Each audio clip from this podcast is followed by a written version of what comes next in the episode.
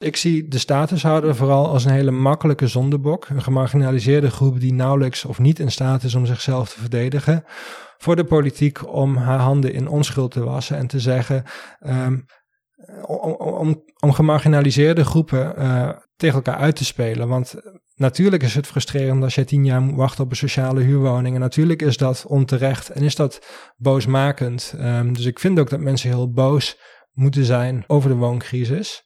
Uh, maar ik vind wel dat die woede gekanaliseerd moet worden naar de juiste um, daders. En dat zijn niet andere gemarginaliseerde groepen, maar dat zijn groepen die um, de wooncrisis hebben veroorzaakt. En dat zijn toch wel echt, wat mij betreft, uh, de, de, de politiek dominante partijen van de afgelopen decennia bijvoorbeeld de VVD is de afgelopen jaren heel actief geweest in het zeggen van alle vrijkomende sociale huurwoningen gaan naar statushouders. Wat ten eerste leugenachtig is en wat ten tweede de eigen rol in het afbreken van die sociale huursector compleet ontkent.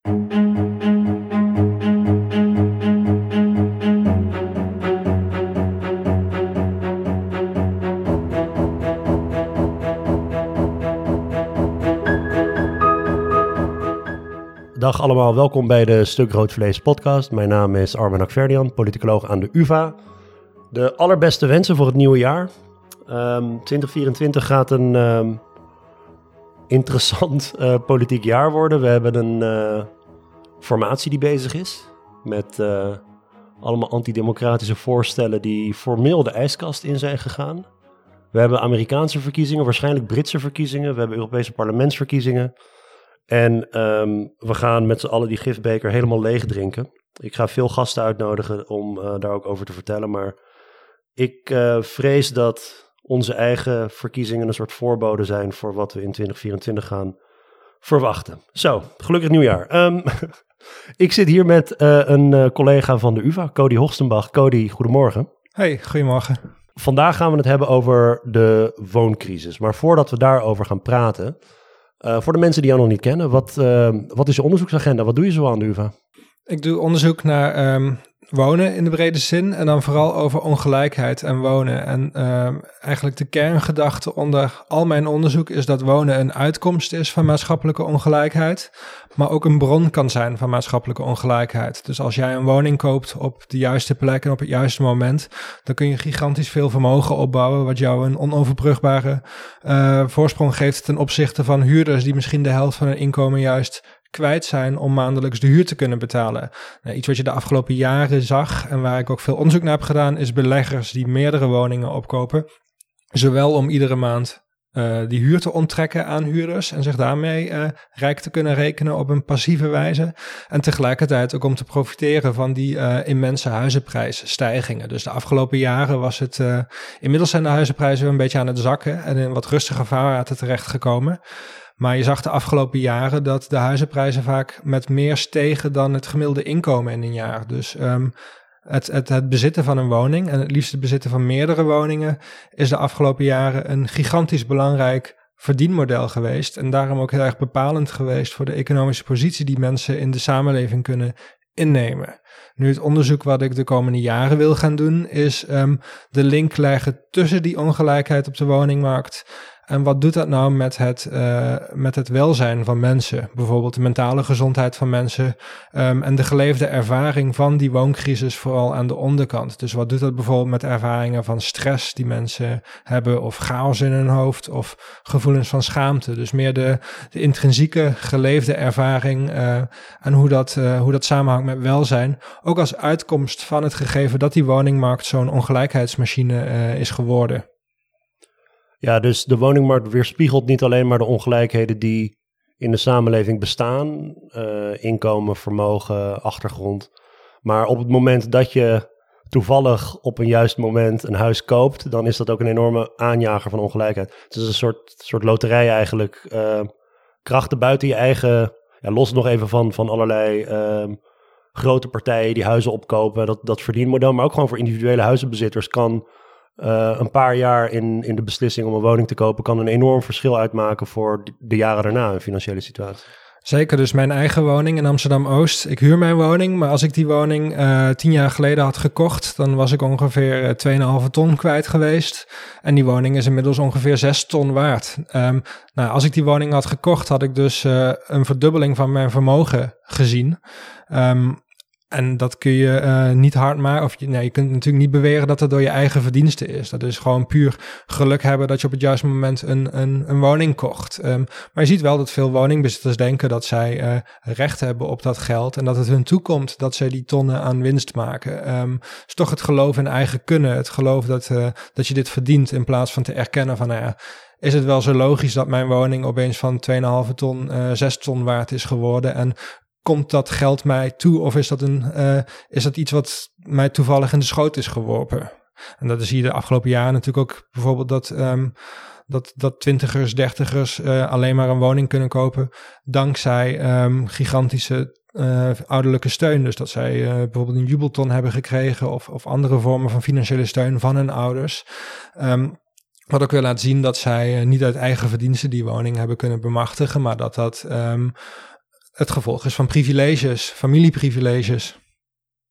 Dat lijkt me ook een interessante dynamiek uh, in, in bijvoorbeeld zeg maar, vriendengroepen die uh, een jaar of tien geleden uh, voor dezelfde soort beslissingen stonden van gaan we nou onszelf diep in de schulden misschien storten om een woning te kopen die we eigenlijk net niet kunnen kopen en anderen gaan huren.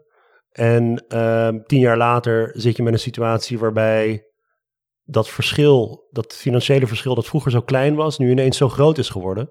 Terwijl, ja, eh, destijds was het misschien het huren was, was de uh, prudente keuze. In plaats van zo'n enorme schuld aangaan, zeker na de crisis en zo, waarbij dat allemaal toch een beetje, uh, ja, mensen daar meer zorgen om hadden. Ik, ja, ik, ik kan me heel goed herkennen in dat verhaal, omdat wij toevallig uh, voor de keuze stonden tien jaar geleden om een huis te kopen hier in Amsterdam. En het toen toch hebben gedaan. Hoewel dat echt moeilijk was, mhm. financieel gezien. En we ook echt uh, opties hebben overwogen om, om buiten de stad te gaan wonen. Toch gedaan.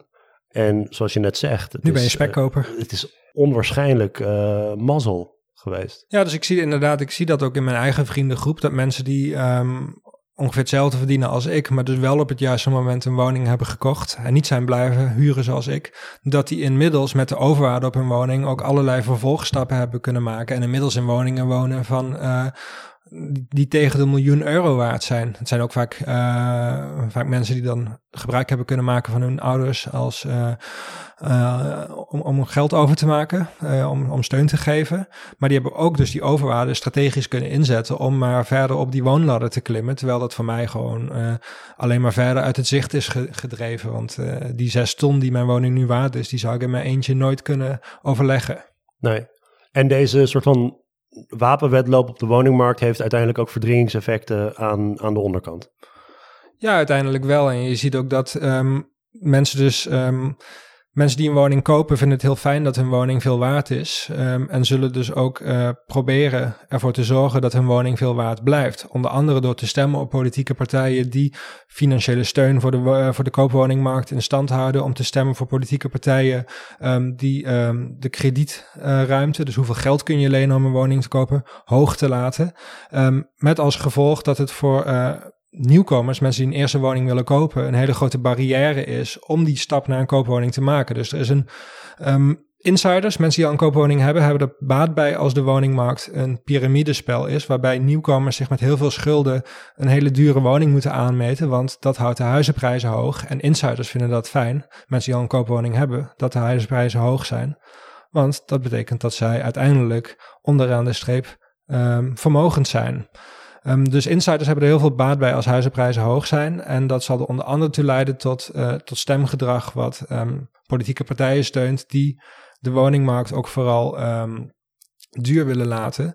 En die bijvoorbeeld weinig geld zullen uitgeven aan sociale voorzieningen, weinig geld zullen uitgeven aan uh, bijvoorbeeld volkshuisvesting, betaalbare sociale huurwoningen voor mensen die geen uh, woning kunnen kopen, maar liever datzelfde geld uitgeven aan dure koopwoningen. Dus bijvoorbeeld door de hypotheekrenteaftrek in stand te houden. Um, dat is nog steeds ongeveer 9 à 10 miljard euro die daar jaarlijks um, naartoe vloeit in Nederland. Dat is een gigantische subsidiëring op het bezitten van een, uh, van een koophuis. En dat is een subsidiëring die ongelooflijk uh, regressief is, dus ongelijkheid in de hand werkt, omdat de mensen die een koophuis bezitten over het algemeen ook uh, relatief hoge inkomens hebben. Dus is het sub subsidiëren van private rijkdom in plaats van het subsidiëren van mensen die een uh, steuntje in de rug zouden kunnen gebruiken. De woningmarkt is een thema dat veel in het nieuws is en ook een belangrijk verkiezingsthema was. Volgens enquêteonderzoek was het een van de belangrijkste, zo niet de belangrijkste zorg van, van kiezers. We hebben een aantal van die problemen en uitdagingen en knelpunten hebben we al benoemd. Maar wanneer mensen praten over de wooncrisis, dat mm is zo'n woord dat je heel vaak ziet uh, in het nieuws of, of in het discours rondom de woningmarkt. Wat is in de kern het probleem? Wat is de wooncrisis? Ja, het is wel interessant dat de term wooncrisis pas redelijk recent is toegetreden in het Nederlandse publieke debat en ook het politieke debat. Dus volgens mij was, uh, was de term wooncrisis voor het eerst in een landelijke krant gebruikt in 2019. Daarvoor werd er niet gesproken over een wooncrisis of een woningcrisis. Ging het bijvoorbeeld eerder over een woningtekort of over hoge huizenprijzen.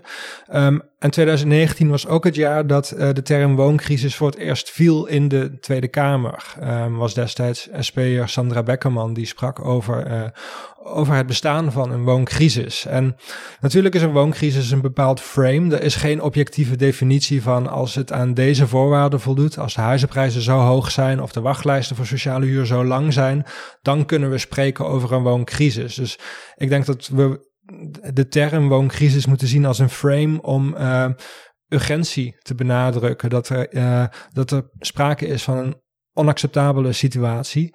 En een onacceptabele situatie die ook bepaald um, crisishandelen vereist. Dus, het, uh, dus, dus grote interventies vereist om er iets aan te doen.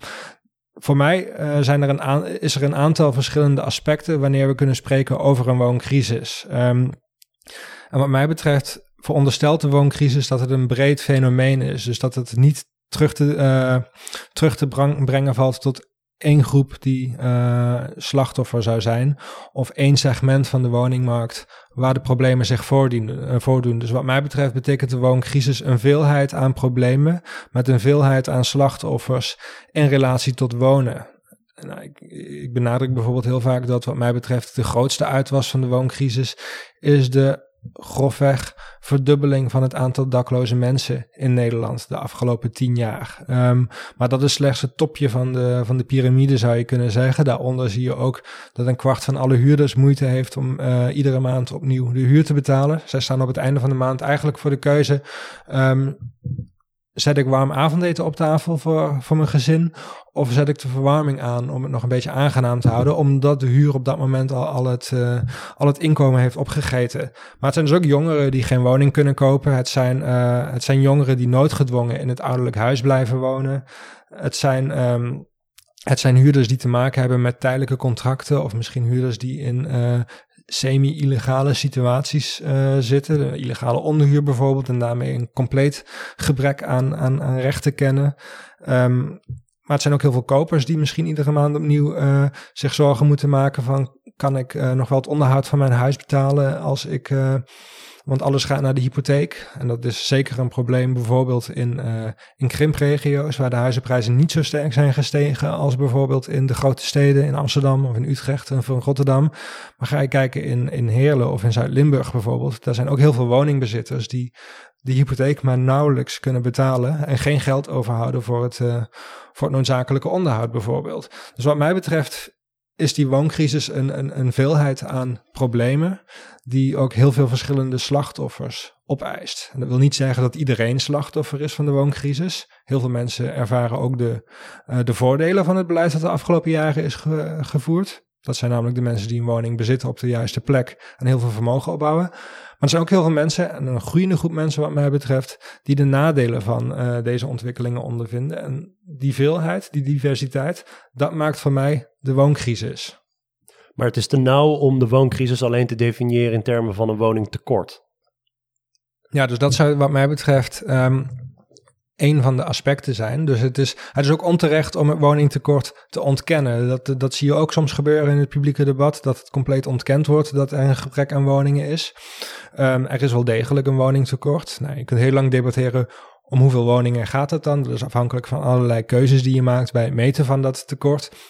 Uh, maar er is wel degelijk een tekort aan woningen. Maar het gaat bijvoorbeeld ook om beleid wat, uh, wat ingaat over de, de maximale huren die gevraagd mogen worden, bijvoorbeeld. Of hoeveel geld je mag lenen voor een woning. Um, de, mate, de, de, mate van uh, financiële mogelijkheden die woningcorporaties krijgen, bijvoorbeeld om onderhoud te plegen, om te verduurzamen, om nieuwe woningen te bouwen.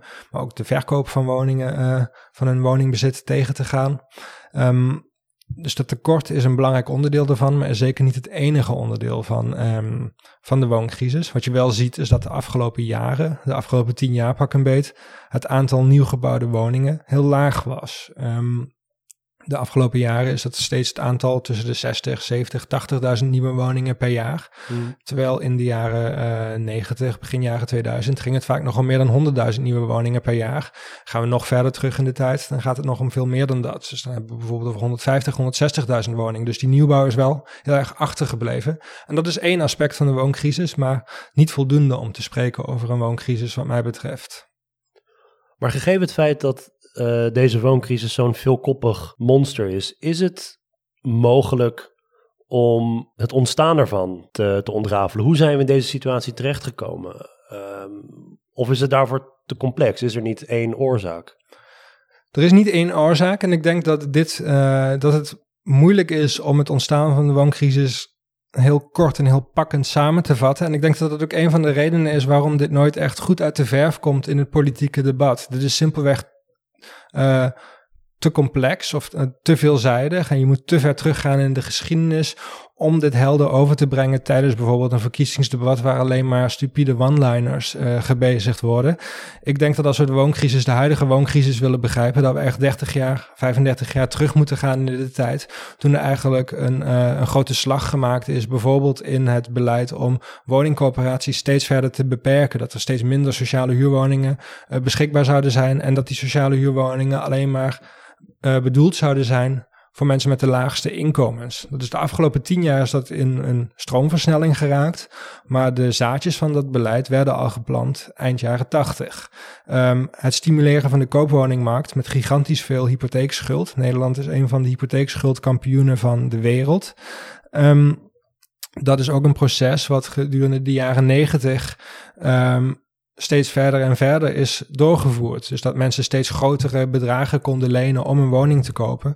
Ja, als er één ding is wat te weten waar grote consensus over bestaat, is dat als je heel veel geld kan lenen, dat je uiteindelijk ook meer gaat betalen voor dezelfde woningen. Dus het verruimen van hypotheekkredietmogelijkheden, dus dat je meer geld kan lenen, zorgt ervoor dat eh, de huizenprijzen ook stijgen. Ja, dat is niet van de een op de andere dag gebeurd. Dat is vanaf, eindje, eh, vanaf de jaren negentig is dat ingevoerd. Gecombineerd met een ideologische agenda dat het kopen van een woning bekend kwam te staan of um, gepromoot werd als um, een manier om um, een goede burger te zijn, een verantwoordelijke burger te zijn. Dat een woningbezitter zou trotser zijn op hun woning dan een, uh, dan een huurder. Ja, allerlei normatieve uh, ideeën zijn in onze geesten geplant om, om met kopen superieur te doen lijken ten opzichte van huren. En uiteindelijk heeft dat ook een, uh, is dat ook een self-fulfilling prophecy. Als iedereen als gekke een woning probeert te kopen en uh, mensen die niet kunnen kopen zichzelf achtergesteld voelen, dan zul je uiteindelijk ook zien dat er een kloof ontstaat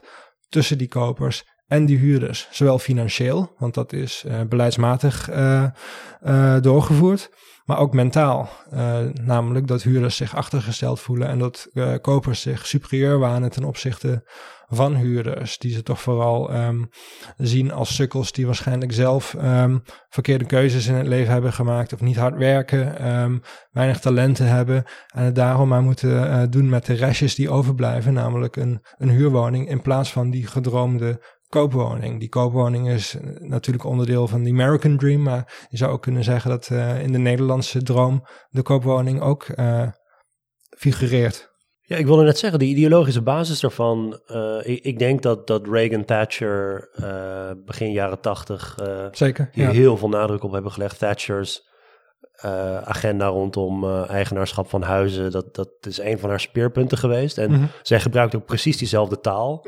En uh, uiteindelijk, nou ja, goed, een beetje de verheerlijking van privaat bezit.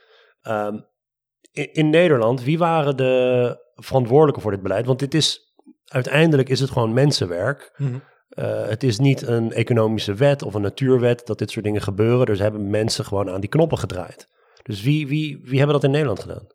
Zeker, dus ik denk dat um, het helaas niet één politicus is die dit beleid heeft gestimuleerd en niet één politieke partij. Want als het zo makkelijk was, dan zou je het ook weer makkelijk ongedaan kunnen maken. Maar dat er een breed, uh, een breed spectrum in de politiek um, verantwoordelijk was voor dit beleid. Um, als we gaan kijken naar de traditioneel grote middenpartijen, de VVD bijvoorbeeld, die dacht, uh, mensen die een woning kopen, die kunnen vervolgens um, zelf hun boontjes doppen, want zij bouwen vermogen op, ze betalen een hypotheek af. Um, dat zijn mensen die financieel zelfstandig worden. En mensen die financieel zelfstandig zijn, die zullen geen gebruik hoeven te maken van allerlei sociale vangnetten. En dat stelt ons weer in staat om die sociale vangnetten um, kleiner te maken of zelfs af te schaffen. En dus de belastingen te verlagen. Nou, dat is bij uitstek een, een, standpunt wat de VVD graag bezigt. Dus voor hun was het stimuleren van de koopwoningmarkt een manier om mensen economisch zelfstandig te maken, om een kleinere overheid of lagere belastingen mogelijk maken. Daarbij gingen ze voorbij aan het feit dat die koopwoningmarkt, zoals ik al aangaf, gigantisch gesubsidieerd is. Dus maar de vraag is of dat inderdaad tot lagere belastingen zou leiden. Maar dat was wel de aanname uh, en dat is ook een heel aantrekkelijk verhaal natuurlijk voor mensen. Dus dat is een verhaal wat de VVD decennia lang op heel um, consistente wijze heeft verkondigd en wat ook heel veel mensen um, aanspreekt. Dus dat is een goed verhaal. Uh, ook al is de uh, basis, de, de, empirische basis daaronder wellicht wankel. Um, voor het CDA zat het veel meer in het goede burgerschap. Dus de CDA heeft vanaf de jaren tachtig gezegd.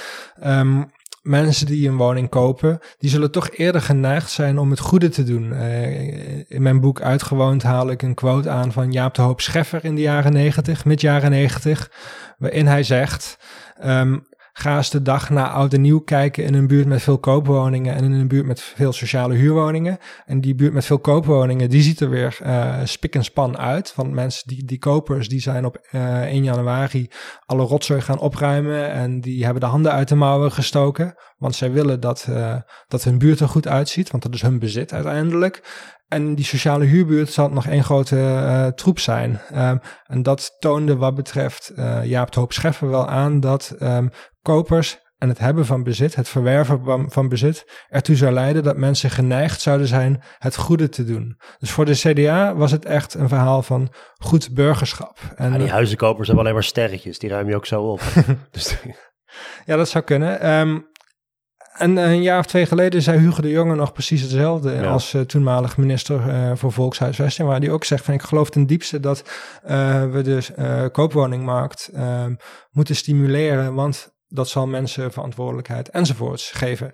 Nou, ten derde is er de PvdA natuurlijk, nog een uh, grote middenpartij van wel eer. Um, en PvdA heeft decennia lang verkondigd, ja, als de arbeidersklasse een woning kan kopen, dat is voor die groep de ticket eigenlijk naar de middenklasse. Dus dat is voor de arbeidersklasse een manier om die opwaartse sociale mobiliteit te bewerkstelligen, om ook een stukje bezit te verwerven en daarmee vermogen op te bouwen en volwaardig mee te doen in de samenleving. Dus voor de PvdA was het heel erg ook een... Uh, een verheffingsideaal wat daar aan ten grondslag lag. Um, en dat zijn die drie grote middenpartijen, die hebben daaraan uh, hard aan gewerkt om uh, eigen woningbezit decennia lang te stimuleren. Ideologisch, maar dus ook daarmee um, materieel, via beleid en via allerlei financiering. Um, met als uh, keerzijde van de medaille dat, het, dat de huursector op almaar grotere afstand is komen te staan, achterstand is komen te staan. En dat voor die huursector steeds verder een, um, een bron is geworden, of een, eh, een plek is geworden waar achterstanden zich ook concentreren. Dus mensen die maar net kunnen uh, rondkomen iedere maand. Maar ook in toenemende mate zien we dat mensen met allerlei problemen zich concentreren in die afbrokkelende sociale huursector. Wat ook weer voor zorgt dat electorale steun voor die sociale huursector verder afbrokkelt. Ik zie dat veel in mijn omgeving. Mensen van uh, begin 30 die zeggen van waarom zou ik beleid voor meer sociale huurwoningen steunen? Want ik maak zelf toch nooit kans op een sociale huurwoning. Ik verdien al meer dan de inkomensgrens uh, uh, toelaat. Plus, um, voordat ik in aanmerking zou komen voor een sociale huurwoning, zijn we ook alweer 10 of 15 jaar verder. Ja, zowel die inkomensgrens als die lange wachttijden zijn ook geen natuurwetten, dat zijn geen wetmatigheden, maar zijn ook weer het uitkomst van politieke maatregelen om die sociale huursector uh, te beperken.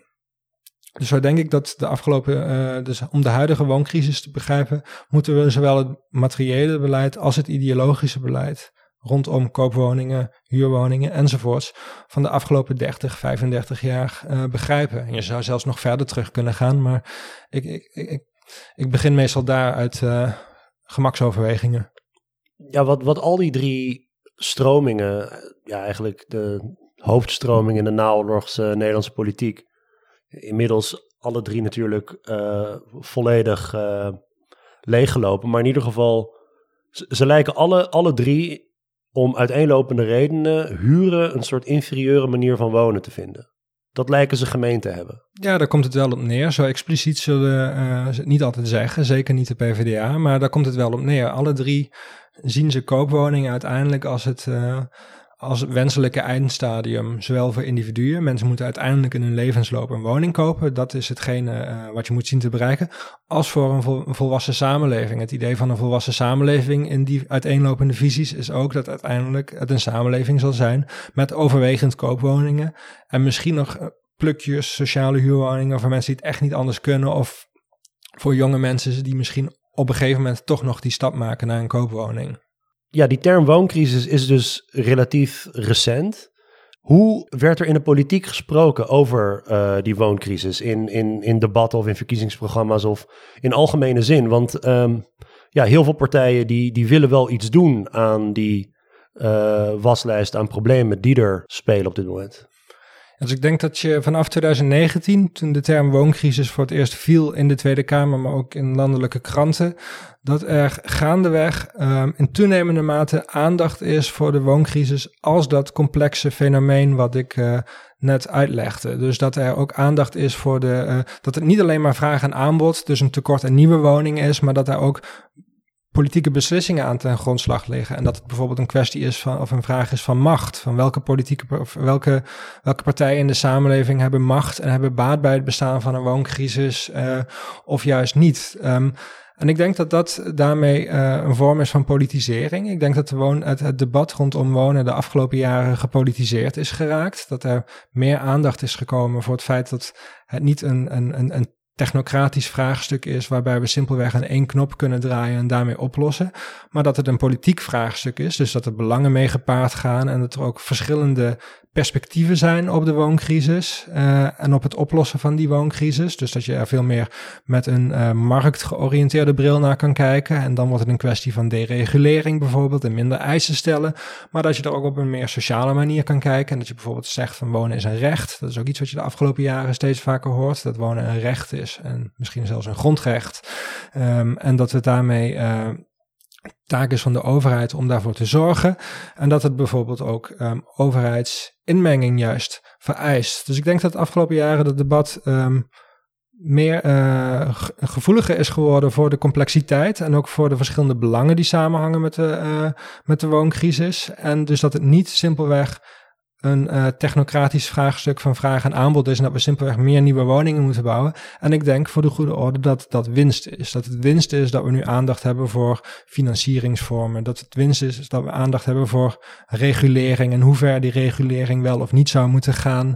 Um, voor de partijen die uh, belang hebben bij het bestaan van de wooncrisis. Het helpt in dat opzicht ook heel erg dat um, voormalig CDA-spindokter Jack de Vries, in, Vries inmiddels um, um, voorzitter is van uh, Vastgoedbelang. Dat is de lobbyclub voor kleine particuliere beleggers. Um, ja, dat is een man die uh, over het algemeen weinig sympathie weet op te roepen in het, uh, in het uh, publieke ja. debat. Um, ja, een communicatie-expert die zelf niet kan communiceren.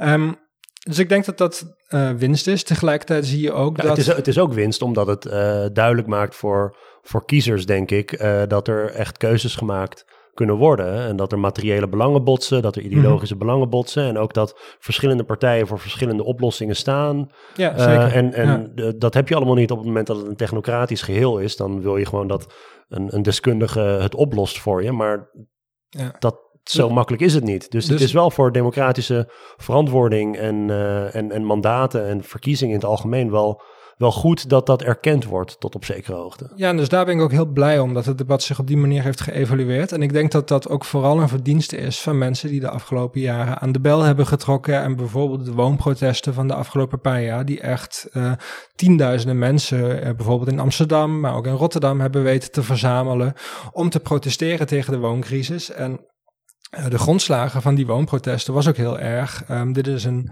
politiek probleem en geen, geen technocratisch probleem. Ehm, je ziet dus die politisering. Tegelijkertijd denk ik dat, ehm, en dat zie je ook gebeuren, dat uh, belanghebbende partijen, bijvoorbeeld lobbyorganisaties, um, maar ook politieke partijen, dit, deze politieke kwestie zich proberen toe te eigenen. Dat bijvoorbeeld een uh, dat vastgoedbelang of vereniging Eigen Huis, dat is de lobbyclub voor woningbezitters, um, zeggen van we begrijpen het heel goed dat al die jonge mensen um,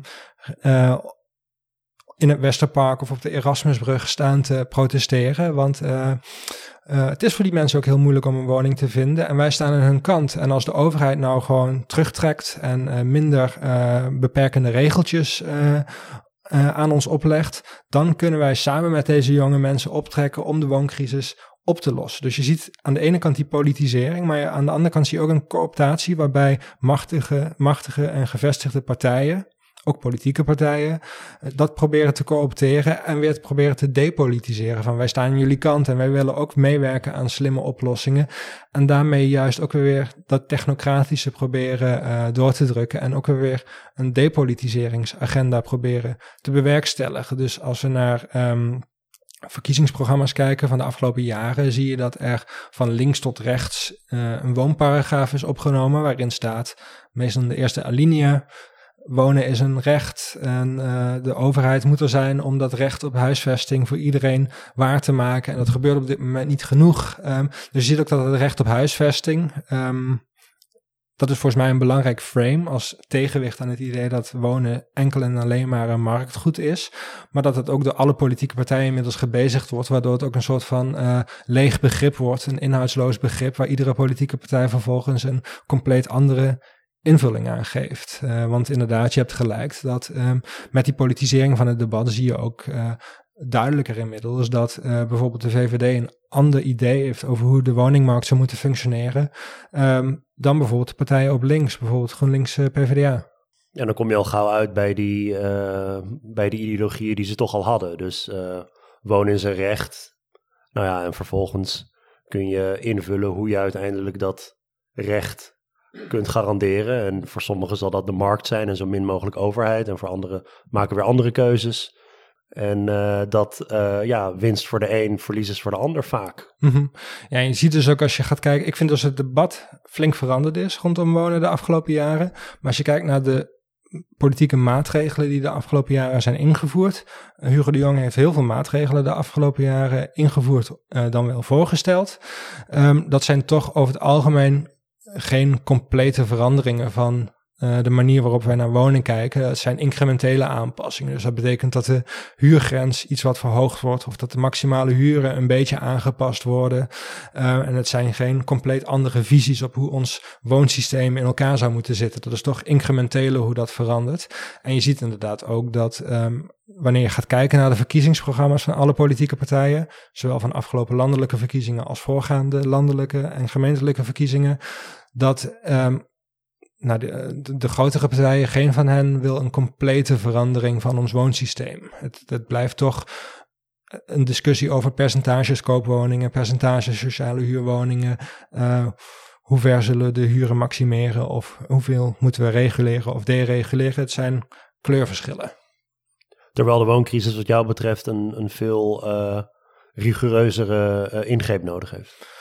Ja, dus ik denk dat als je aan de linkerkant van het politieke spectrum staat en je zegt van um, het antwoord op de wooncrisis moet zijn volkshuisvesting en massaal uh, investeren in betaalbare huurwoningen beschikbaar voor een groot publiek. Niet alleen voor mensen met een laag inkomen, maar ook voor mensen met een middeninkomen, mensen die net afgestudeerd zijn enzovoorts. Um, dat is wat linkse politieke partijen over het algemeen zeggen de afgelopen tijd.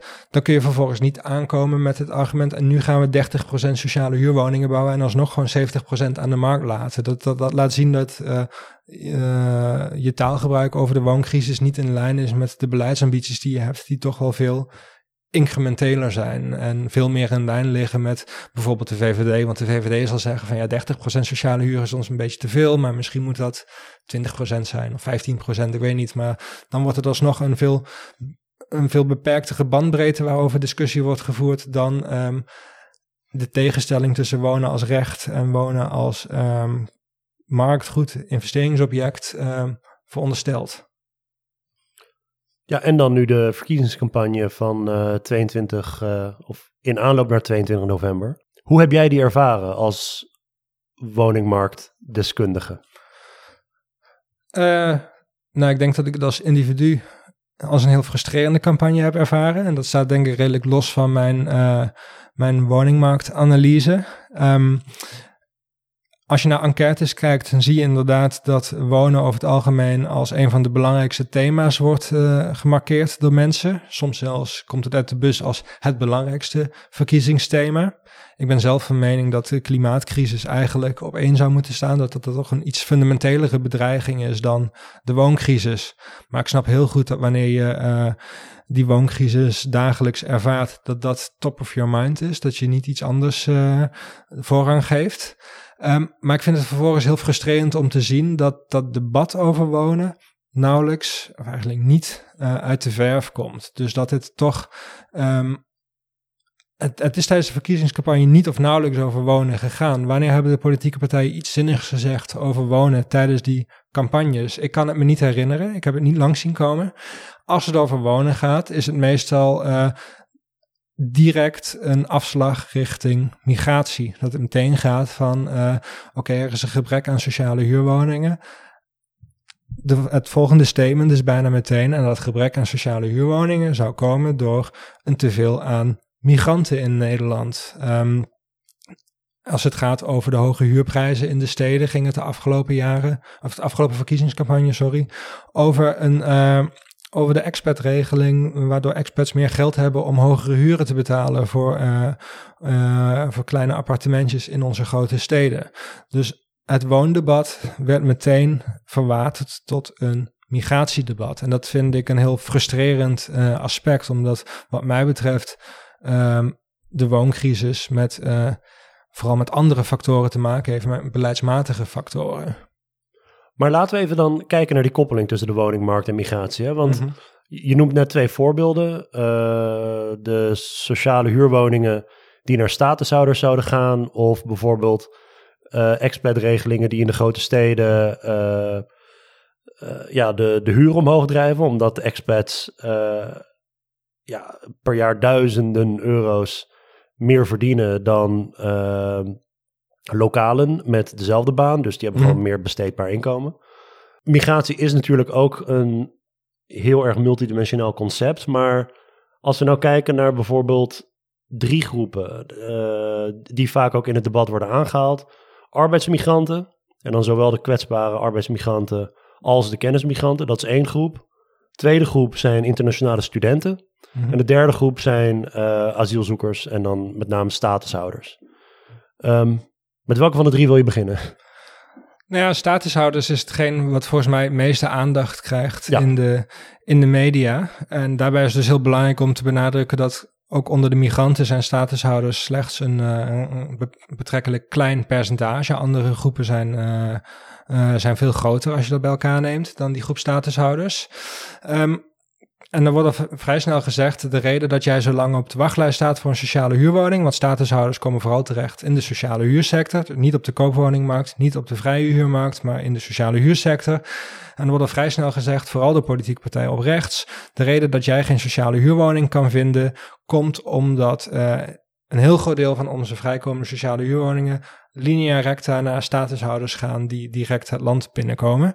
Nou, ik denk ten eerste dat, het, uh, dat je gewoon het morele en politieke vraagstuk moet behandelen. Namelijk dat veel van die statushouders ook gewoon heel veel behoefte hebben aan een woning. En als jij, uh, als jij denkt, die statushouders moeten ook integreren in de Nederlandse samenleving dan helpt het volgens mij om die mensen een woning te geven op een normale plek in een normale buurt, zodat ze ook volwaardig kunnen meedoen aan de, uh, aan de samenleving. Dus het idee dat er uh, dat statushouders voorrang krijgen op sociale huurwoningen lijkt mij in principe een heel logisch idee. Namelijk, deze mensen hebben heel veel behoefte op een, aan een woning, aan een woonplek. Die hebben allerlei traumatische ervaringen.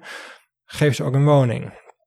Um, gaan we vervolgens meer praktisch het uh, idee afpellen dat alle sociale huurwoningen, of een heel groot deel van alle sociale huurwoningen naar statushouders gaat, dan zie je dat dat in de praktijk gewoon helemaal niet waar is. De afgelopen jaren ging 7 à 8 procent van alle vrijkomende sociale huurwoningen, dus dat zijn sociale huurwoningen waarvan de vorige huurder um, uh, vertrekt of doodgaat, um, 7 à 8 procent daarvan worden toegewezen aan statushouders. En eigenlijk is dat percentage de afgelopen 10 jaar eh, min of meer stabiel gebleven, mondjesmaat toegenomen. Nou, waarom is dat mondjesmaat toegenomen? Is omdat er gewoon simpelweg niet meer statushouders bij zijn gekomen de afgelopen jaren. Vorig jaar is misschien een uitzondering.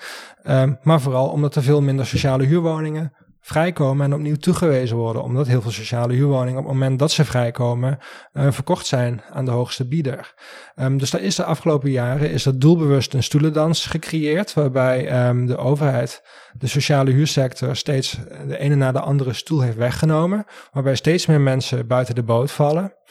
Um, en vervolgens heel makkelijk als zondebok de statushouder aanwijzen. De reden dat jij geen sociale huurwoning kan vinden, is omdat die statushouder voorrang krijgt. En dat is natuurlijk ook een manier om de, de handen in onschuld te wassen, namelijk um, door te negeren of zelfs actief te verhullen dat de afgelopen jaren uh, honderdduizenden sociale huurwoningen verkocht zijn of gesloopt zijn. En dat de nieuwbouw van sociale huurwoningen ook um, min of meer gehalveerd is. Dus in de op, op dit moment, de afgelopen jaren, worden er ongeveer 15.000 sociale huurwoningen per jaar gebouwd. Nou, tien jaar geleden waren dat er nog 30.000 sociale huurwoningen per jaar. Gaan we nog verder terug in de tijd, begin jaren 80, ging het soms om 60, 70.000 sociale huurwoningen die bijgebouwd werden per jaar. Nou, zetten we dat af tegen het aantal woningen wat naar statushouders gaat, dat is over het algemeen ongeveer 15.000 per jaar. Dus de invloed van politieke maatregelen om die sociale huursector te beperken is veel groter dan uh, het aandeel, het aantal woningen wat naar statushouders gaat. Um, dus ik zie de statushouder vooral als een hele makkelijke zondebok, een gemarginaliseerde groep die nauwelijks of niet in staat is om zichzelf te verdedigen, voor de politiek om haar handen in onschuld te wassen en te zeggen, um, om, om, gemarginaliseerde groepen uh, tegen elkaar uit te spelen. Want natuurlijk is het frustrerend als je tien jaar moet wachten op een sociale huurwoning. En natuurlijk is dat onterecht en is dat boosmakend. Um, dus ik vind ook dat mensen heel boos moeten zijn over de wooncrisis. Uh, maar ik vind wel dat die woede gekanaliseerd moet worden naar de juiste uh, daders. En dat zijn niet andere gemarginaliseerde groepen, maar dat zijn groepen die um, de wooncrisis hebben veroorzaakt. En dat zijn toch wel echt, wat mij betreft, um, uh, nou, de, de, de politiek dominante partijen van de afgelopen decennia. En bijvoorbeeld de VVD is de afgelopen jaren heel actief geweest in het zeggen van alle vrijkomende sociale huurwoningen gaan naar statushouders. Um, wat ten eerste leugenachtig is en wat ten tweede de eigen rol in het afbreken van die sociale huursector compleet ontkent. In dat opzicht is ook um, het, uh, de politiek die de PVV bedrijft rondom statushouders en uh, sociale woningen helemaal niet nieuw. Dit is gewoon precies wat de VVD de afgelopen jaren ook gewoon gebezigd heeft. Dus in dat opzicht is dat verschil tussen PVV en de VVD, als we het over wonen hebben, bijzonder miniem. Wat ik wel interessant vind, is dan, dat is volgens mij heel exemplarisch voor de PVV. En dat komt uit een voorbeeld uit 2018 uit de gemeente Den Haag. Toen heeft de uh, PVV in de gemeente Den Haag een motie ingediend met um, om, om compleet te stoppen met het bouwen van sociale huurwoningen in de gemeente Den Haag. Gewoon nul nieuwe sociale huurwoningen. Want um, dit was de argumentatie van de PVV. Een groot deel van die sociale huurwoningen zou toch gaan naar uh, wat zij dan tussen aanhalingstekens kansloze allochtonen noemden.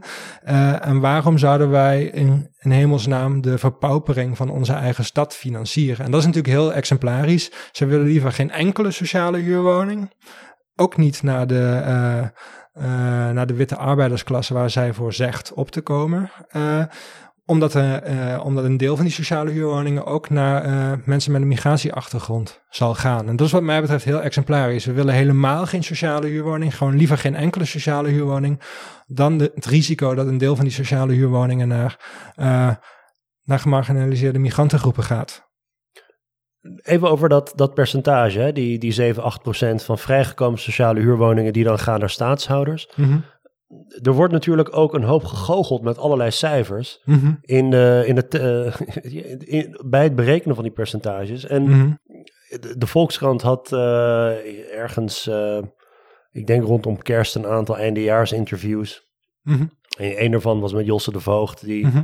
natuurlijk op allerlei manieren in de, in de media is en ook veel heeft geschreven over in zijn ogen afgehaakt Nederland.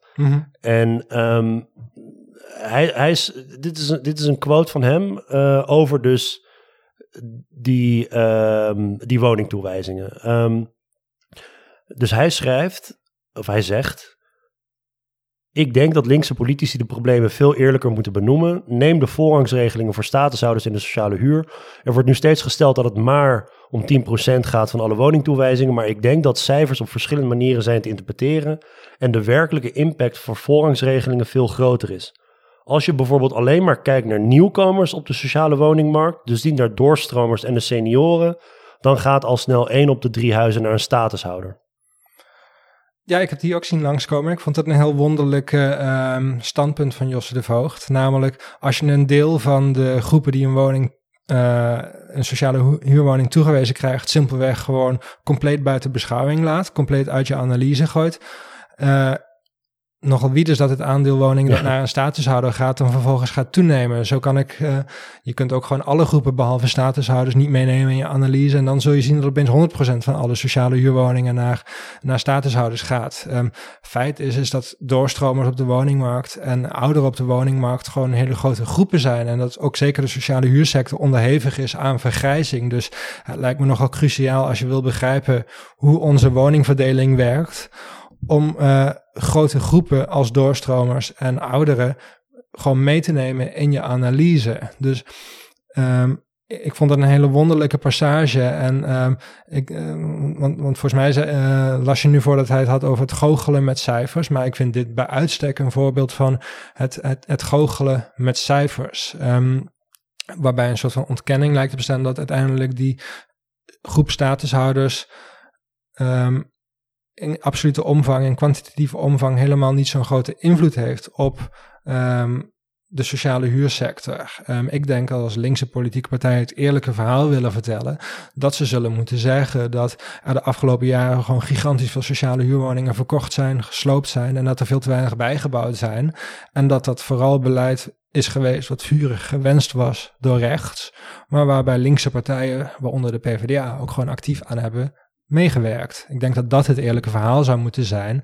En dat er geen wij-zij tegenstelling tussen eh, een veronderstelde witte arbeidersklasse en een, eh, een, migrantengroep eh, gecreëerd moet worden. Maar dat het veel meer gericht zou moeten zijn op het, op het aanwijzen van machtige partijen, politiek verantwoordelijken die de sociale huursector doelbewust een kopje kleiner hebben gemaakt. Ik denk dat dat een prima verhaal is waar links en de ja, de zogenaamde witte arbeidersklasse zich mee eh, in zou kunnen vinden. Er zit nog een ander aspect aan, aan deze hele eh, dynamiek eh, die jij ehm, hebt beschreven ook in, een, in een artikel met ehm UvA-collega Wouter van Gent, denk ik. Mhm. Je noemt dat residualisering van de sociale woningmarkt. Dus het feit Mhm. dat uiteindelijk ook statushouders richting sociale woningbouw gaan. En ook dat in ja, veel grote steden die sociale woningbouw toch geconcentreerd is in specifieke wijken, leidt tot een nou ja, residualisering. Kun je uitleggen wat het, wat het concept betekent? Ja, het is een beetje een, eh, een- Het is niet echt een mooi begrip, dat residualisering. Ik gebruik in het publieke debat vaak marginalisering. Mhm. Dus die residualisering die heeft, eh, wat mij betreft, verschillende componenten. Maar is dat een academische term? Dat is een academische term, inderdaad. Eén component van die residualisering is dat ehm, de sociale huursector gewoon in omvang kleiner wordt. Dus dat er minder sociale huurwoningen beschikbaar zijn. Ehm, dus een, een, eh, dat, dat hebben we de afgelopen jaren gezien met de verkoop en de sloop van sociale huurwoningen en de gebrekkige nieuwbouw. Dat is één aspect van de residualisering, maar dat is niet alles. Ehm, een ander aspect van die residualisering is dat het vaak gaat om eh, dat sociale huurwoningen steeds vaker kleine woningen zijn, ehm, sobere woningen zijn, inderdaad vaak op de minst populaire plekken. ehm, waar je concentraties uh, van sociale huurwoningen ziet ontstaan en daarmee ook concentraties ziet ontstaan van bepaalde bevolkingsgroepen. Dat is een tweede aspect van de residualisering. En een derde aspect daarvan is dat de toegang tot die sociale huursector, tot die overblijvende woningen, steeds verder beperkt wordt met, tot mensen die echt niet anders kunnen. Dus als we teruggaan naar de lange geschiedenis van de Nederlandse volkshuisvesting, was die sociale huursector juist ook bedoeld voor mensen met een middeninkomen, ook bedoeld voor de net afgestudeerden. Um, waardoor het een brede voorziening had, wat brede maatschappelijke steun genoot. Nou, de afgelopen jaren, of de afgelopen decennia, is dat steeds verder beperkt, waarbij mensen met de laag, uh, waarbij strenge inkomensgrenzen bijvoorbeeld zijn ingevoerd, en waarbij de sociale huursector in toenemende mate het domein is van de allerlaagste inkomens, en waarbij de sociale huursector ook in toenemende mate uh, het domein is van mensen met verwante problematiek. Dus het gaat niet alleen maar om mensen met lage inkomens, maar ook vaak met mensen met gezondheidsproblemen, mensen met, uh, of mensen met een, een, een rugzakje, om het zo maar even te noemen. Dus dat is ook een kernaspect van die residualisering, wat uiteindelijk ook weer bijvoorbeeld stigmatisering tot gevolg heeft. Dus dat het wonen in een sociale huurwoning ook een uh, negatieve bijsmaak krijgt, bijvoorbeeld. En dat uh, bepaalde buurten met sociale huurwoningen, um, met veel sociale huurwoningen, een slechte reputatie krijgen. En die slechte reputatie blijft vervolgens ook plakken aan de mensen die uh, in die sociale huurwoningen, in die uh, buurten woonachtig zijn. Zeker als het gaat om mensen die op andere vlakken ook al gestigmatiseerd en gemarginaliseerd zijn. Er was een, uh, een artikel vorige week, jij postte dat op Blue Sky um, in de Volkskrant over de Utrechtse wijk Overvecht. Mm -hmm, ja. En dat was een illustratie van, van, dit, dit, fenomeen. Van ja. dit fenomeen. En um, ook een opeenstapeling van, van maatschappelijke en sociale uh, ja, problemen en overlast die veroorzaakt wordt wanneer groepen met een urgentieverklaring uh, bij elkaar worden gezet en vervolgens leidt die overlast weer tot verdere stigmatisering en ook tot minder draagvlak onder een bredere bevolking en een soort van idee van, nou ja, dit zijn mensen die uh, ja, maar gewoon normaal moeten doen. En wat, wat uh, mm -hmm. weet je, ze hebben het aan zichzelf te wijten. Uh, ruim je portiekflat op of noem maar op. Terwijl er worden groepen bijeengezet die vervolgens ja, ook, ook niet goed begeleid worden. En dan, ik bedoel, dat, dat stuk, dat, dat, dat is best wel, best wel rijk aan illustraties. Um, maar ja, dit, dit lijkt me ook toch vrij, of misschien ben ik dan heel cynisch, maar ook vrij bewust beleid vanuit sommige sectoren in de politiek en ook, ook in bijvoorbeeld de lobbywereld om voor de bredere bevolking het beeld te creëren dat die sociale uh, woningmarkt gewoon dysfunctioneel is. Ja, zeker. Nee, die analyse deel ik en dat is volgens mij ook geen heel cynische analyse. Dat is gewoon iets wat de afgelopen uh, decennia doelbewust is gedaan in Nederland, maar ook in heel veel andere landen inderdaad het beeld creëren en ook eigenlijk de werkelijkheid creëren dat veel problemen zich concentreren in sociale huurwoningen. Dus inderdaad dat een toenemend deel van alle vrijkomende sociale huurwoningen naar mensen met een urgentiestatus gaat. Dat zijn vaak mensen met, uh, met psychische problemen, mensen met allerlei andere aanverwante problemen, misschien mensen die um, op het randje van dakloosheid zitten bijvoorbeeld. Nou, die zet je allemaal in de, um, in de goedkoopste woningen neer in dezelfde buurt. En dat is uh, op zijn minst ten dele heel bewust beleid geweest. Er zit ook wel een onbewust component in. Dus afgelopen jaar is er beleid gevoerd om de goedkoopste sociale huurwoningen naar de laagste inkomens, uh, aan, aan de laagste inkomens toe te wijzen omdat dat betaalproblemen zou verminderen. En dat lijkt me in principe uh, wenselijk. Dat lijkt me wenselijk beleid. Alleen het nadeel is dat al die goedkoopste sociale huurwoningen op dezelfde plekken staan, in dezelfde buurten, in buurten als Overvecht in Utrecht. Met als gevolg dat um, daar de mensen met de laagste inkomens en de grootste problemen zich concentreren. Komt nog eens bovenop dat woningcorporaties de afgelopen jaren vanuit de nationale overheid opgelegd hebben gekregen dat ze minder geld mochten uitgeven aan leefbaarheid in de buurt. Dus bijvoorbeeld dat daarmee ook um, de huismeester is wegbezuinigd. Of dat inderdaad uh, het onderhoud van de, uh, de trappenhuizen of de portieken is, uh, is teruggebracht. Dus dat het ook weer bijdraagt aan die opeenstapeling van problemen. Dus er ligt heel doelbewust beleid aan ten grondslag. Vaak is dat beleid ook gewoon letterlijk gewoon zo opgeschreven. Je hoeft er niet uh, een soort van conspiracy theorist voor te zijn. Het staat gewoon opgeschreven, dit beleid. Um, en er zitten heel veel doelbewuste um, aspecten aan om die sociale huursector in discrediet te brengen. Soms gecombineerd met uh, ander doelbewust beleid, wat in principe um, um, goede grondslagen had. Wat, wat, wat met de beste bedoelingen is ingevoerd. Zullen we even naar de um, internationale studenten? Ja, sure. En de druk die zij uh, zouden veroorzaken op, uh, op de woningmarkt? Mm -hmm. Ja, ik denk dat internationale studenten, dat, dat is natuurlijk vooral in de grotere steden een, uh, een probleem. Ik denk ook dat de afgelopen jaren bijvoorbeeld onze universiteit, de Universiteit van Amsterdam, heeft op een gegeven moment zelf gezegd van kom niet naar, kom niet naar Amsterdam volgens mij, omdat er um, gewoon geen woningen zijn. Tegelijkertijd is er ook uh, een tekort aan degelijke collegezalen bijvoorbeeld. Um, ik heb het afgelopen jaar college moeten geven in gewoon uh, bouwvallen waar tegelijkertijd op de achtergrond het uh, boorlawaai um, klonk, omdat er geen andere zalen beschikbaar waren. Maar de druk is de afgelopen jaar natuurlijk heel erg geweest om internationale studenten um, naar onze universiteiten te krijgen en die allemaal ook een plek nodig hebben om te wonen.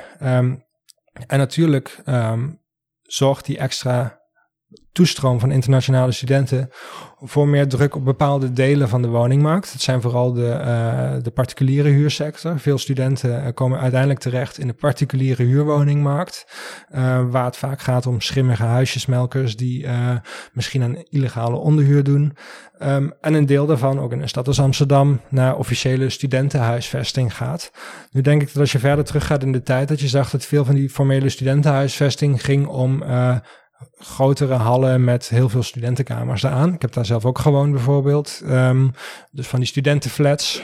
Ja, Uilenstede is een bekend voorbeeld in Amsterdam. Um, wat je de afgelopen jaren ziet is dat als er als studentenwoningen zijn gebouwd, dat het vaak om individuele eenheden gaat. Dus dat iedere studentenwoning uh, of studi studentenstudio een eigen, een eigen voordeur heeft, een eigen keukentje, een eigen badkamer, een eigen wc enzovoorts. Um, dat is deels een financieringsvraagstuk. Namelijk als je een eigen voordeur hebt, kun je huurtoeslag aanvragen, wat voor de verhuurder betekent dat hij hogere huren kan uh, rekenen. Maar er zijn tegelijkertijd ook um, concepten van studentenwoningen ontwikkeld in Nederlandse steden, zoals het Student Hotel. Het heet inmiddels anders volgens mij. Het heet inmiddels uh, Studio Hub of iets in die richting, iets, iets stoms in ieder geval. Um, nou, dat Student Hotel waren studentenkamers van uh, meer dan 1000 euro, misschien wel zelfs 1500 euro per maand, wat echt gericht was op een, een, groep um, internationale studenten, wat vaak een compleet gebrek aan alternatieven ervaart. Ze komen naar een stad waar zij geen sociale netwerken hebben. En juist die sociale netwerken zijn voor jonge mensen vaak heel belangrijk om een woning te vinden. Ze hebben niet de kennis van de lokale woningmarkt. Ze weten niet wat er allemaal wel en niet mogelijk is. Um, dus ze missen ook nog dat deel van wat je cultureel kapitaal zou kunnen, kunnen noemen. En zijn daarom aangewezen op um, dure luxe concepten zoals dat student hotel of schimmige huisjesmelkers die uh, ook de hoofdprijs willen rekenen. Um, maar ik zie hier twee aspecten. De ene is wat doet het voor de in, individuele internationale student en die vallen veel uh, ten prooi aan uitbuiting. Uh, het zijn allemaal jonge mensen, krap 18 geworden, die naar een ander land komen en um, ja, zijn een um, makkelijke prooi eigenlijk. En die moeten beschermd worden. Dat, dat is één kant. Economische uitbuiting en andere vormen van uitbuiting. Maar de andere vraag zou zijn: wat voor druk legt die groep op de uh, kansen op een woning van um, bijvoorbeeld Nederlandse studenten? Of ja anderen die ook concurreren voor diezelfde huisvesting. Ja, ik durf daar niet zo'n percentage op te plakken als bij statushouders. Bij, bij statushouders weten we echt van oké, dit percentage van die vrijkomende sociale huurwoningen gaat naar statushouders. Soortgelijke cijfers zijn niet beschikbaar, voor zover ik weet, over internationale studenten. Ook omdat die deels in die onderzichtige particuliere huurmarkt terechtkomen, die heel slecht geregistreerd is. Dus we weten die exacte percentages niet. We kunnen wel kijken naar um, Nederlandse jongvolwassenen of jongvolwassenen die uh, in Nederland uh, uh, opgegroeid zijn. En daar zien we dat het aantal jongvolwassenen wat um, langdurig bij de ouders blijft wonen, dus tot in laat 20, begin 30 bij de ouders blijft wonen, gigantisch is toegenomen de afgelopen 10, 15 jaar. Um, uh, dat is met ongeveer 30% toegenomen in die periode. Uh, en dan zien we dat die toename zich vooral concentreert onder één uh, jongvolwassenen met de laagste inkomens. Um, en twee, onder jongvolwassenen die opgegroeid zijn in of direct rondom de grote steden. Dus we zien een grote toename van jongvolwassenen die noodgedwongen in het ouderlijk huis blijven wonen in Amsterdam, maar ook in Amstelveen, in Almere enzovoorts. Waarvan je zou kunnen uh, uh, aannemen dat die, als het mogelijk was geweest, in Amsterdam uh, of naar Amsterdam zouden zijn getrokken om daar een betaalbare woning en op zichzelf te gaan wonen. Voor die groepen is dat niet langer mogelijk. Maar ook hier geldt, dit komt waarschijnlijk niet door die internationale studenten, maar door een reeks aan politieke maatregelen. Dus bijvoorbeeld het afschaffen van de basisbeurs um, in 2013, 14, ik weet niet meer precies wanneer dat was. Um, weet ik ook niet meer. Um, het leenstelsel. Het leenstelsel, daarvan is ook al aangetoond door uh, een collega van ons, uh, Lonneke van den Berg, die laat zien dat nadat dat is ingevoerd, dat er ook uh, een toename is in, in jonge studenten die in het ouderlijk huis blijft wonen. Um, Tegelijkertijd zie je ook dat die sociale huursector is afgebrokkeld. Dus dat ook betaalbaar, en ook zeker ook die betaalbare particuliere huursector. Dus waar uh, particuliere huurders voorheen misschien 300, 400 euro rekenden voor hun sociale huurwoning, uh, voor hun huurwoning en daarmee plek boden aan studenten. De afgelopen jaren, dankzij beleidswijzigingen, in staat zijn geweest om die woning niet langer voor 300 of 400 euro te verhuren, maar direct naar de dure vrije sector te tillen, waar ze misschien 1500, 1800 euro per maand kunnen rekenen.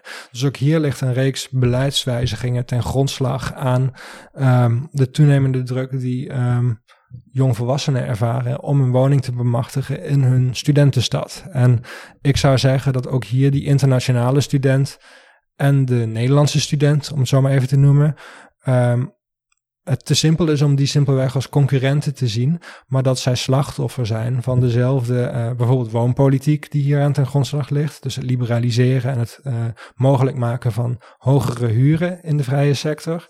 Um, maar ook bijvoorbeeld maatregelen als dat, als dat leenstelsel, wat het voor uh, ook heel veel studenten veel moeilijker heeft gemaakt om een woning te bemachtigen. En dan zeker voor studenten met uh, uh, een lager inkomen of wiens ouders niet in staat zijn om financiële steun te verlenen. En dan de, de derde groep, de arbeidsmigranten. Ja. Nee, ik, noemde al bij de wooncrisis dat wat mij betreft een van de, of de allergrootste uitwas van de wooncrisis is wat mij betreft de toename van dakloosheid. En als je dat gaat kijken van waar zit die toename in dakloosheid, dan zijn dat vaak migrantengroepen, eerste generatie migranten en heel vaak ook eerste generatie migranten uit Oost-Europa. En dat zijn vaak um, arbeidsmigranten die naar Nederland zijn gekomen om hier te werken in uh, laagbetaalde arbeid. Kan seizoensarbeid zijn, maar kan ook bijvoorbeeld arbeid zijn in uh, distributiecentra, om maar wat te noemen. Um, en ze komen vaak naar Nederland met een kortlopend contract en ze krijgen ook van hun verhuurder, uh, of sorry, van hun werkgever, krijgen zij ook een woning aangeboden. Uh, nou, een woning is een groot woord in deze. Dat is vaak gewoon een, uh, een plek in een stapelbed in een, uh, in een aftans appartementje. waarvoor ze een groot, een groot bedrag maandelijks moeten neertellen. Of dat wordt ingehouden op hun loon.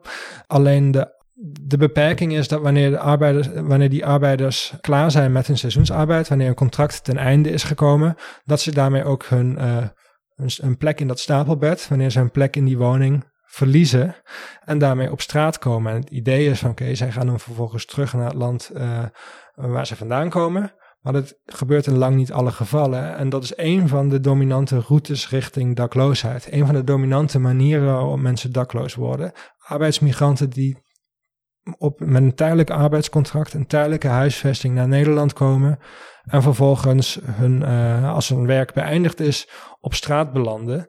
Um, en daar ook langdurig blijven. Uh, vaak uh, in en uit dakloosheidstromen, um, afhankelijk zijn van opvanglocaties enzovoorts. Dus ook die arbeidsmigranten, uh, laagbetaalde arbeidsmigranten, um, behoren tot die gemarginaliseerde groepen die um, kwetsbaar zijn voor uitbuiting en dus ook te maken krijgen, veelvuldig te maken krijgen met, met die dakloosheid. En, en de, de kennismigranten, de groep kennismigranten?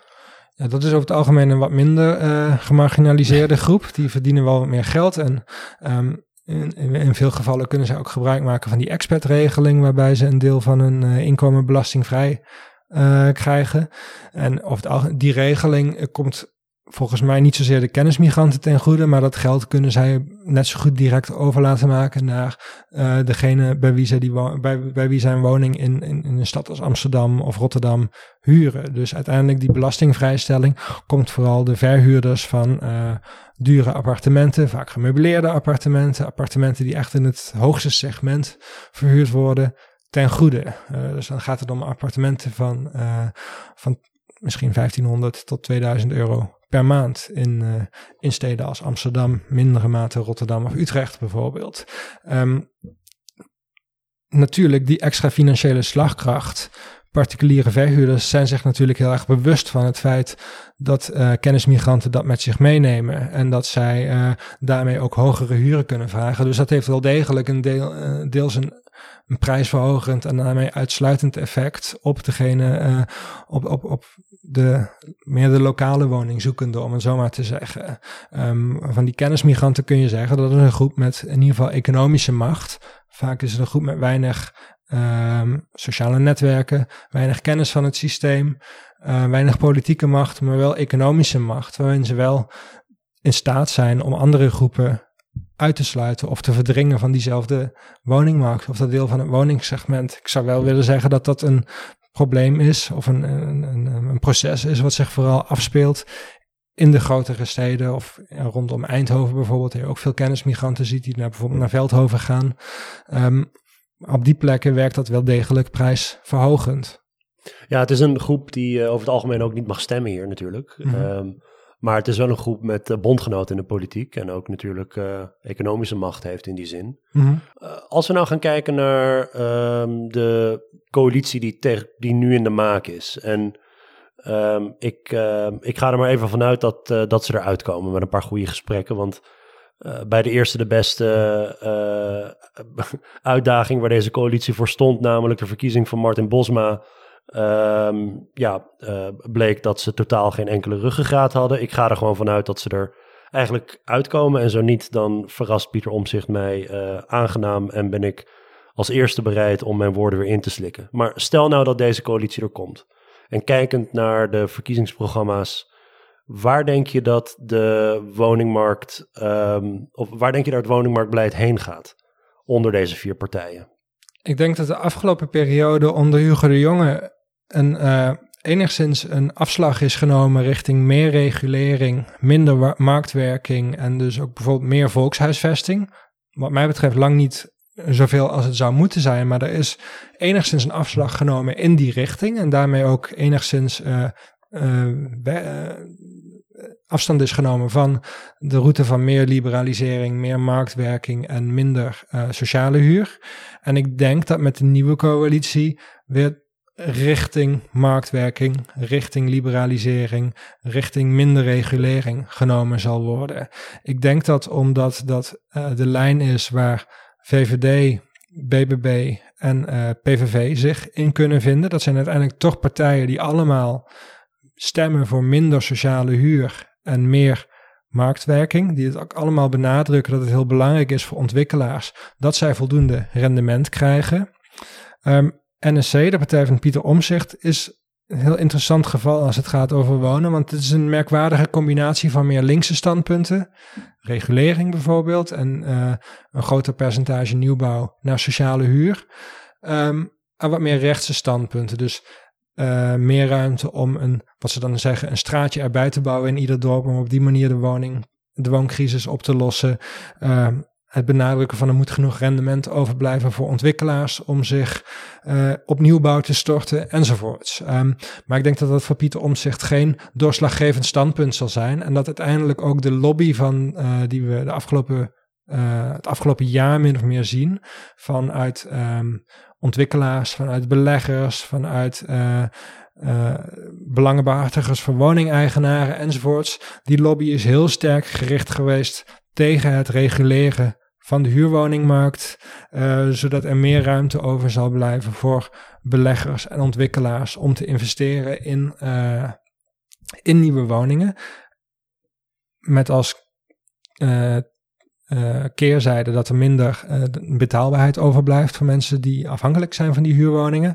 Maar ik denk dat die lobby heel invloedrijk is geweest en dat deze partijen wel willen staan ten opzichte van deze, uh, van deze lobby. En dan denk ik vooral primair aan de VVD, maar ik denk ook dat de andere partijen, PVV, BBB, NSC, zich zullen schikken naar deze lobby. En dat er uiteindelijk toch gekozen wordt voor meer deregulering en eigenlijk minder volkshuisvesting. Eigenlijk hetgene waar uh, Hugo de Jonge zich de afgelopen uh, paar jaar hard van maakte toen hij minister voor volkshuisvesting was.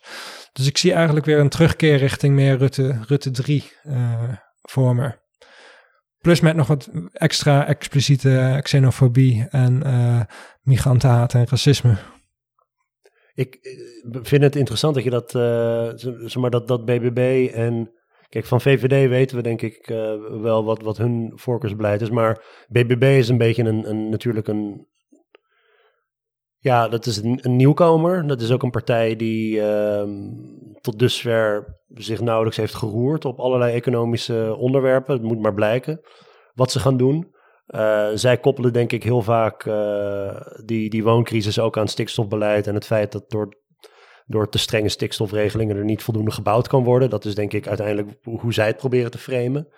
Um, Zeker, ja. Maar dat de PVV dan... Uh, nou ja, goed, het, het komt ook... Dat, dat begrip van bestaanszekerheid is zo niet zeggend geworden... Uh, dat zelfs partijen waarvan je zou denken... Nou ja, of in ieder geval in de campagne hebben die gezegd... wij gaan uh, na zoveel jaar Rutte gaan wij er weer voor zorgen dat de overheid er is voor, voor de mensen en noem maar op.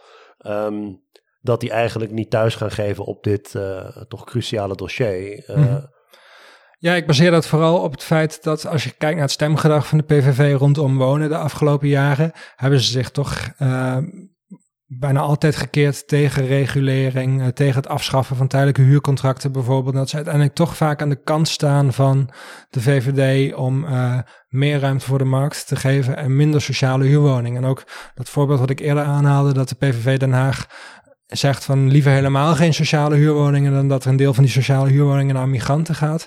Ik denk dat dat de leidende gedachte zal zijn bij, uh, bij de PVV. Wat betreft de BBB, ehm, een interessante casus is de afschaffing van de tijdelijke huurcontracten.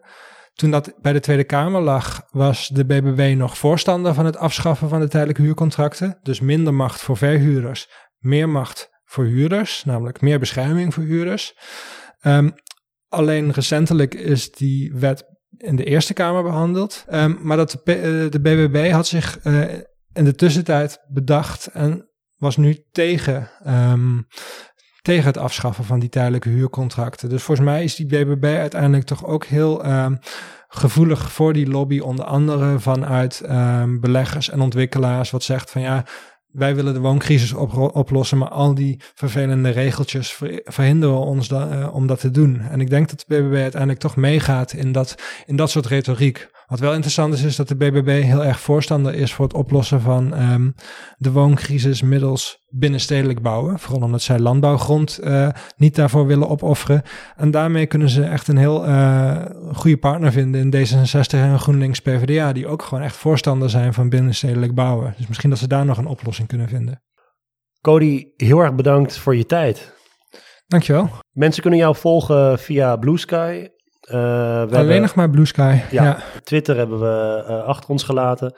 En um, je hebt ook een aantal uh, boeken die mensen kunnen raadplegen voor, een, een, een, ja, voor, voor jouw verhaal over de woningmarkt. Eén is Uitgewoond. Dat is een boek dat een aantal jaar geleden is uitgekomen. Ehm, bekroond en alom geprezen. En tweede is een wat persoonlijker essay. in schaamte kun je niet wonen. Kun je nog heel kort vertellen waar dat laatste boek over gaat? Ja, zeker. Dus um, uitgewoond is meer de doorvrochte politieke analyse van de wooncrisis. Uh, en daarin gebruik ik allerlei persoonlijke ervaringen om dat te illustreren. En een daarvan is de aftakeling van mijn moeders sociale huurwoning. Um, die is op een gegeven moment verkocht aan een belegger noodgedwongen. En die belegger pleegt nauwelijks onderhoud. En um, in Uitgewoond beschrijf ik op een gegeven moment dat iedere keer als ik op bezoek ben bij mijn moeder in Maastricht, waar die sociale huurwoning staat, ehm, dat de schimmelvlek in de badkamer bijvoorbeeld weer iets groter is geworden en dat de keuken weer iets verder vergeeld is en de tuindeur nog iets slechter afsluit. Uh, en toen mijn moeder dat las, was ze heel erg boos op me. En dat ze zei van, uh, uh, waarom heb je dit in hemelsnaal op, opgeschreven in een publieksboek? Dit is, uh, dit is iets waar ik mij voor schaam. Dit, dit wil ik niet dat de andere mensen dit weten. Dit is de vuile was buiten hangen. Waarom doe je dit?